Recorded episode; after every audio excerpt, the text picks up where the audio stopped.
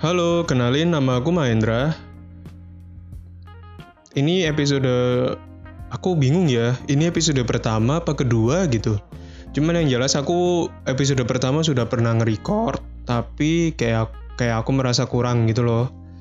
Terus ya udah deh aku coba bikin ini aku nggak tahu ini bakal aku upload menjadi episode perta- perdana ataupun episode kedua aku juga kurang tahu. Nah, sebelum masuk ke topik pembahasan, aku mau ngucapin terima kasih banyak buat siapa pun yang mau mendengarkan podcastku. Aku minta maaf banget kalau masih banyak kurangnya karena jujur banget ini aku baru pertama kali bikin podcast dan semoga teman-teman atau siapa pun yang mendengarkan suka dan nyaman mendengarkan suaraku. oh ya, btw um, topik-topik kali ini tuh aku membahas mengenai retailer dan reseller gitu. Di di skena sneakers ya di skena sneakers lah. Kita bahas ke retailer dulu ya. BTW ini semua opiniku jadi ini semua opiniku dan teman-teman nanti bisa lebih lengkapnya bisa cari sendiri ataupun bisa langsung kalaupun pengen tahu secara apa ya secara secara retailer tuh bentuknya kayak apa sih? Nah itu mungkin bisa bisa teman-teman langsung datengin ke tempatnya dan langsung lihat barang-barangnya seperti apa. Nah kayak gitu. DTW nanti nanti di episode berikut berikutnya mungkin aku akan bahas retailer-retailer uh, yang yang ada di Indonesia dan yang di yang di luar negeri gitu. Nah, retailer itu ini aku pakai dari dari website dulu ya. Jadi habis itu nanti aku jelasin lagi. Retailer menurut ini aku ambil dari website turboli.com. Retailer merupakan individu atau badan usaha yang melakukan aktivitas penjualan barang atau jasa langsung kepada konsumen atau end user. Nah, jadi retailer itu sebenarnya sudah sudah ada kerjasama dengan brand utamanya gitu. Jadi retailer ini istilahnya sudah sudah apa ya sudah dikurasi lah, dikurasi sama brand utama. Jadi brand utama nih nggak sembarangan, nggak di apa ya nggak sembarangan mengkurasi retailer-retailer gitu. Jadi memang sudah sudah mungkin sudah tiap tiap brand utama punya apa ya kriteria sendiri untuk oh ini retailer yang yang bisa nih yang yang terkurasi dan bla bla bla bla kita bisa memasok memasok barang di sini nih gitu. Nah, kayak gitu dan barang di tiap retailer pun beda-beda ya. Jadi hmm, ini yang aku omongin tuh retailer yang bukan brand utamanya. Jadi misal kalau misal kita beli brand N gitu, terus kan ada toko resminya brand N. Nah, itu bukan di situ. Jadi ini retailer yang apa ya? Retailer yang emang berdiri sendiri. Jadi biasanya multi brand gitu. Kadang kayak misalnya sepatu ada Nike, ada Adidas gitu.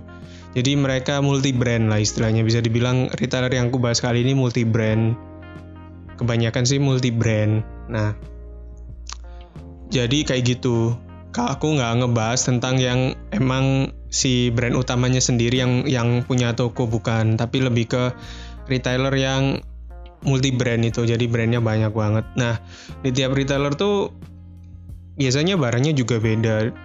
Nah aku baru tahu jujur aku baru tahu kan aku sering lihat video-video apa ya sneaker vlog gitulah dari Indonesia gitu kan banyak banget orang-orang yang bikin. Nah kalau misalnya retailer retailer tuh ada rankingnya cuy.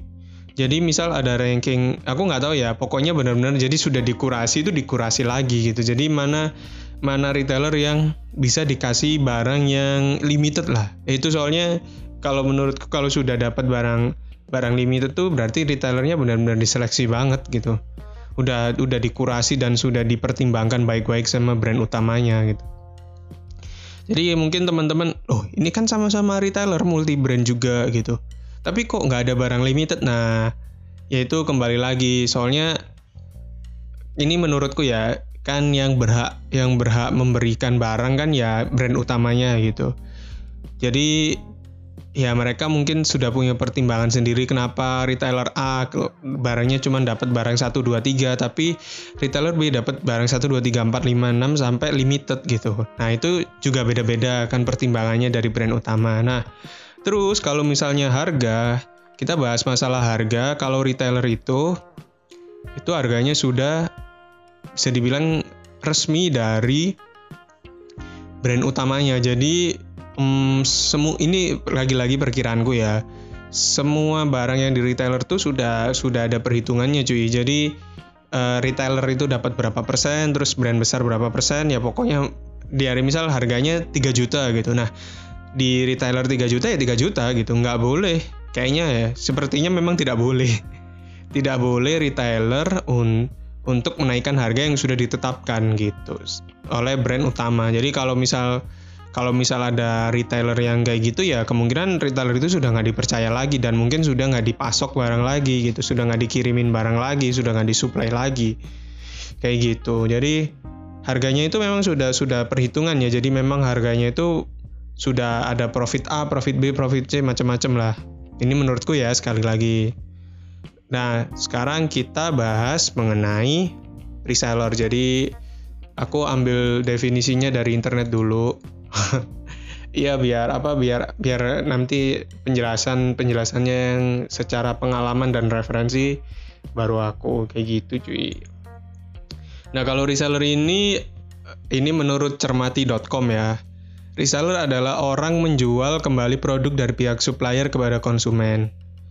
Nah, Reseller in, ini masih dari cermati.com ya. Reseller ini bukanlah sebagian dari supplier. Untuk menjadi seorang reseller, kamu harus mengeluarkan modal sendiri dan membeli dan membeli produk langsung kepada supplier. Sorry tadi ya itu.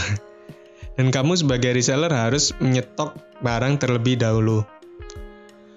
Jadi kalau reseller ini, jadi kalau misalnya di skena persnikeran ya. Kalau sepatu limited tuh biasanya biasanya terutama yang collab ataupun punya punya history value gitu uh, mereka di raffle. Jadi kita beli, kita kita udah punya uang nih, kita kita mau beli tapi harus diundi dulu gitu. Jadi diacak, beneran diacak. Jadi nggak tahu siapa siapa yang bisa beli ini itu udah emang hoki-hokian ya, keberuntungan, faktor keberuntungan.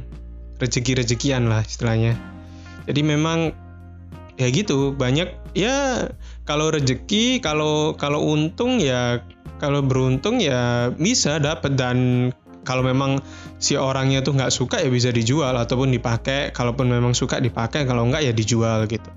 Nah reseller tuh yang menjual ini. Jadi sebenarnya dia juga konsumen. Dia dia dia dia itu dia beli barang ke retailer juga gitu.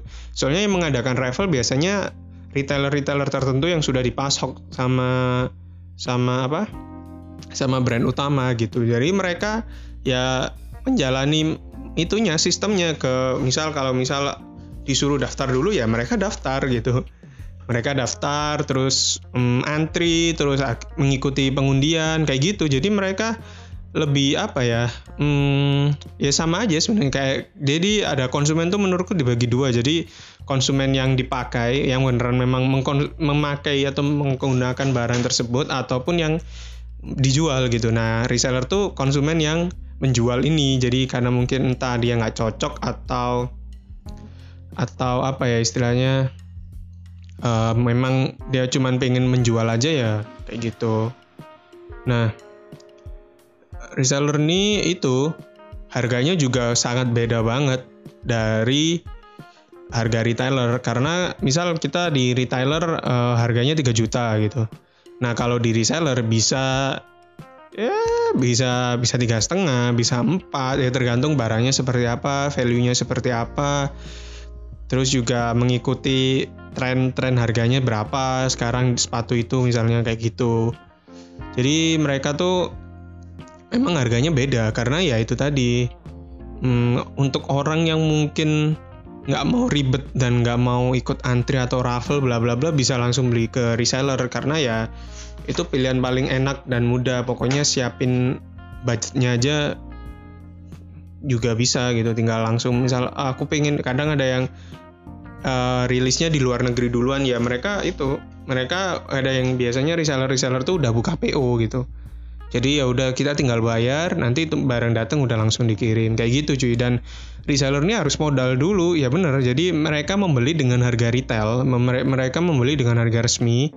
Nah, terus habis itu dijual lagi gitu. Jadi ya itu tadi lumayan soalnya kalau kalau mungkin ada teman-teman yang memang merasa hokinya gede ya dicoba kali aja. Soalnya serius sih kalau misal dapat dengan harga harga retailer retail itu wah senengnya bang senengnya minta ampun terus juga untungnya banyak gitu. Tapi patokannya biasanya kalau reseller tuh ngambil dari harga luar negeri gitu. Jadi patokannya dari biasanya dari StockX sih. Jadi kalau teman-teman yang belum tahu StockX tuh uh, e-commerce tapi menjual streetwear sneakers gitulah. Jadi teman-teman bisa cek aja. Di situ ada harga-harganya kan. Nah itu biasanya uh, digunakan sebagai patokan gitu. Jadi minimal berapa, maksimal berapa. Jadi sudah ada apa ya batas batas harganya gitu.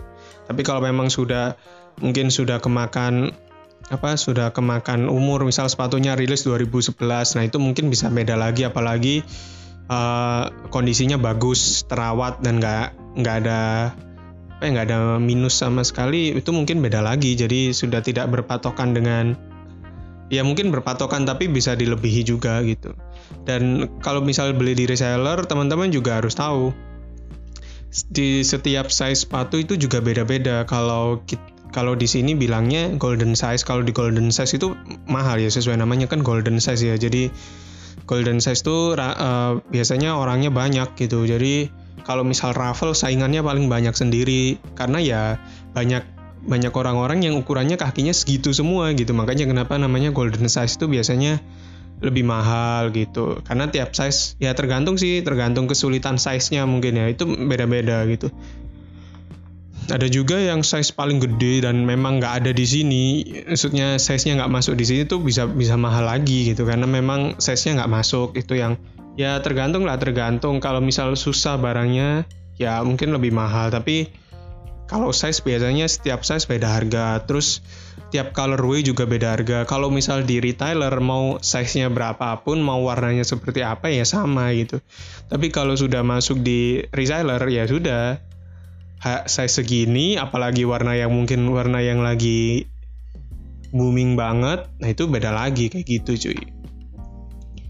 Nah, nanti ke depannya mungkin aku bakal di episode berikutnya mungkin aku bakal bahas uh, retailer dulu ya. Retailer um, retailer itu macamnya banyak banget ya cuy. Dan yang pasti multi brand dan juga ada retailer yang bikin brand sendiri brand apparel sendiri.